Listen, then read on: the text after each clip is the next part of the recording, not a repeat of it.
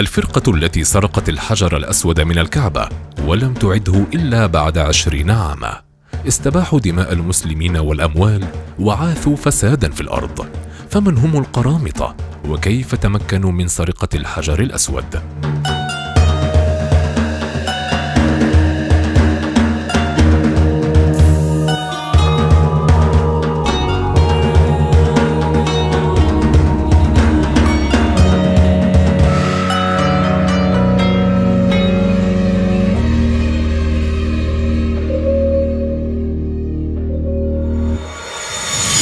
أنتم تستمعون إلى بودكاست فرق دينية من إنتاج فيدز برو هل سمعتم عن سرقة القرامطة للحجر الأسود؟ فأنا لم أسمع عنها سوى القليل بالرغم من أن فرقة القرامطة احتفظت بالحجر الأسود نحو عشرين عاما منذ سرقته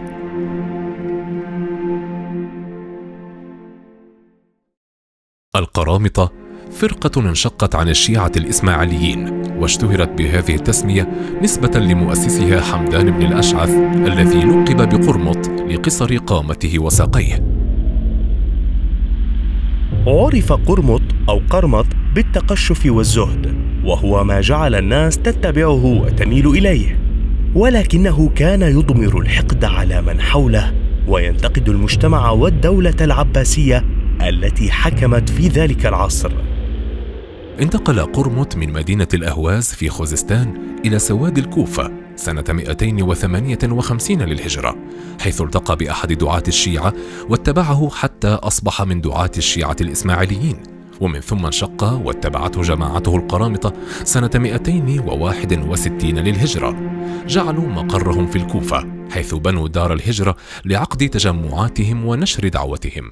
قامت فرقة القرامطة على هدف الزعامة والاستيلاء على الأموال حيث وصفهم بعض المؤرخين بأن ليس لديهم معتقدات ومذهب راسخ. فقد أباحوا المحرمات وأولوا القرآن والحديث وحاربوا الدولة الإسلامية. ما الفرق بين القرامطة والشيعة الإسماعيليين في المعتقدات والممارسات الدينية؟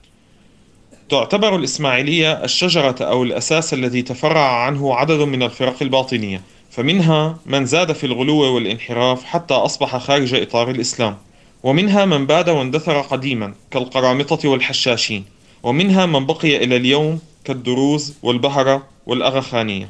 أصل معتقدات الإسماعيلية والقرامطة وسائر الفرق الباطنية واحد وهي تقوم على فكرة وجود إمام الزمان أي الإمام المعصوم من آل البيت. والاعتقاد بوجود باطن وظاهر للقرآن وحقائق الدين. أما الباطن فلا يعلم بيانه وتأويله إلا الإمام المعصوم ومن ينوب عنه في غيبته من دعاته ونقبائه. وهذا يفتح باب التأويل الباطل والمنحرف على مصراعيه. ومن هنا دخلت الفلسفات والعقائد المنحرفة في معتقدات وممارسات كل الفرق الباطنية. إلا أن حركة القرامطة اتخذت منحا أكثر غلوا وعنفا ومجاهرة بالمعتقدات الفاسدة. حتى أجمع أئمة المسلمين قديما وحديثا على أنها فرقة مارقة خلعت رقة الإسلام. فقد أسسوا دولة تقوم على مبدأ الشيوعية في النساء والممتلكات زعما بأن ذلك يستأصل أسباب البغضاء والعداوة بينهم وهو ذات مبدأ المزدكية الفارسية الشاذة في الزمن القديم. وأسقطوا تكاليف الشريعة من صلاة وصيام وغيرها وجاهروا بعقائد فاسدة في الله والوحي والنبوة والرسالة. طبق القرامطة ضرائب مرتفعة ومختلفة لحشد الأموال وبناء اقتصاد جماعتهم. من ضمنها ضريبة الهجرة وضريبة الخمس أي خمس الربح السنوي ويعد جشعهم واستيلاؤهم على الأموال هو سبب هجومهم على الكعبة وقتل الحجاج ومن ثم سرقة الحجر الأسود. عاثوا في الأرض فسادا مستغلين ضعف الدولة الإسلامية والسلطة المركزية للدولة العباسية في بغداد فاستباحوا دماء المسلمين وأعراضهم وأموالهم وألحدوا في بيت الله الحرام فقتلوا الحجيج في الحرم وقلعوا الحجر الأسود وسرقوه وبقي عندهم نحو عشرين عاما وعطلوا الحج سنين طويلة وكانوا من أشد الابتلاءات التي نزلت بأرض المسلمين حتى أراح الله العباد من شرهم. عاث القرامطة في الأرض فسادا مع ضعف حكومة الدولة العباسية وانشغالها بالقضاء على ثورة الزنج التي ثار فيها العبيد والطبقة العاملة ضد نظام القمع وسياسة الحكم واستمرت لما يقارب الخمسة عشر عاما. انتشر فيها القرامطة إلى بلاد الشام والجزيرة العربية وتحديدا في البحرين تحت قيادة أبي سعيد الجنابي الذي ابتعثه قرمط لتوسيع جماعة القرامطة. بدأت أحداث سرقة الحجر الأسود سنة 317 للهجرة بهجوم قرامطة البحرين على الحجاج للاستيلاء على أموالهم وآثار الحرم وادعوا أن الطواف من أفعال الجاهلية وعبادة الأوثان. قتلوا حينها نحو ثلاثين ألفا من الحجيج وأخذوا الحجر الأسود إلى مدينة القطيف السعودية التي كانت تحت حكمهم ومركز دعوتهم. ومن ثم دعوا الناس لأداء الحج هناك. لكن أهل المدينة رفضوا وقابلهم المسلمون بالرفض والمقاومة. كيف تمكن القرامطة من الاحتفاظ بالحجر الأسود نحو عشرين عاما أدت إلى وقف الحج؟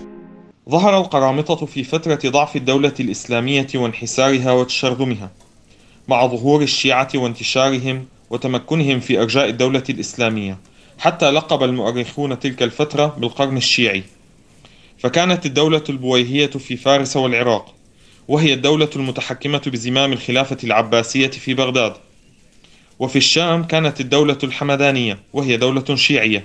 وفي مصر كانت الدولة الفاطمية.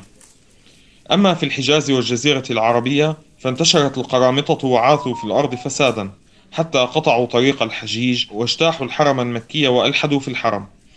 وسفكوا الدم الحرام في الأرض الحرام وفي الشهر الحرام. وقلعوا الحجر الأسود من مكانه وحملوه إلى ديارهم في البحرين. وبقي هناك مدة تزيد عن عشرين سنة. وانقطع الحج عن مكة المكرمة سنوات طويلة ولا حول ولا قوة إلا بالله. بقي الوضع كذلك نتيجة للضعف الشديد والانقسام الذي أصاب أركان الدولة الإسلامية. إلى أن انحسرت سطوة القرامطة وبادت دولتهم.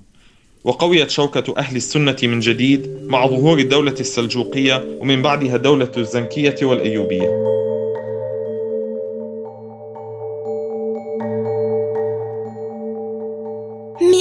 القصص تنتظرك في بودكاست جني آلة الزمن من إنتاج فيتس برو.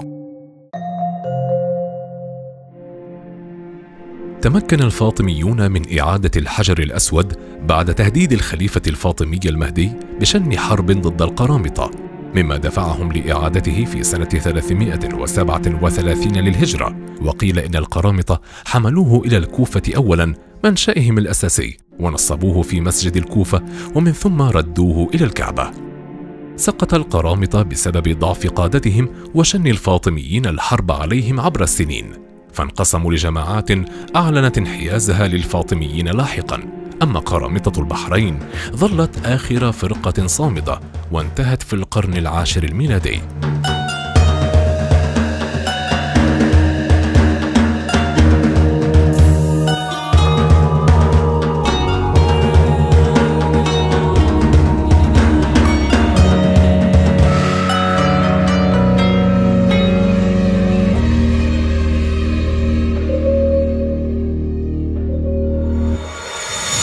استمعتم إلى بودكاست فرق دينية من إنتاج فيتس برو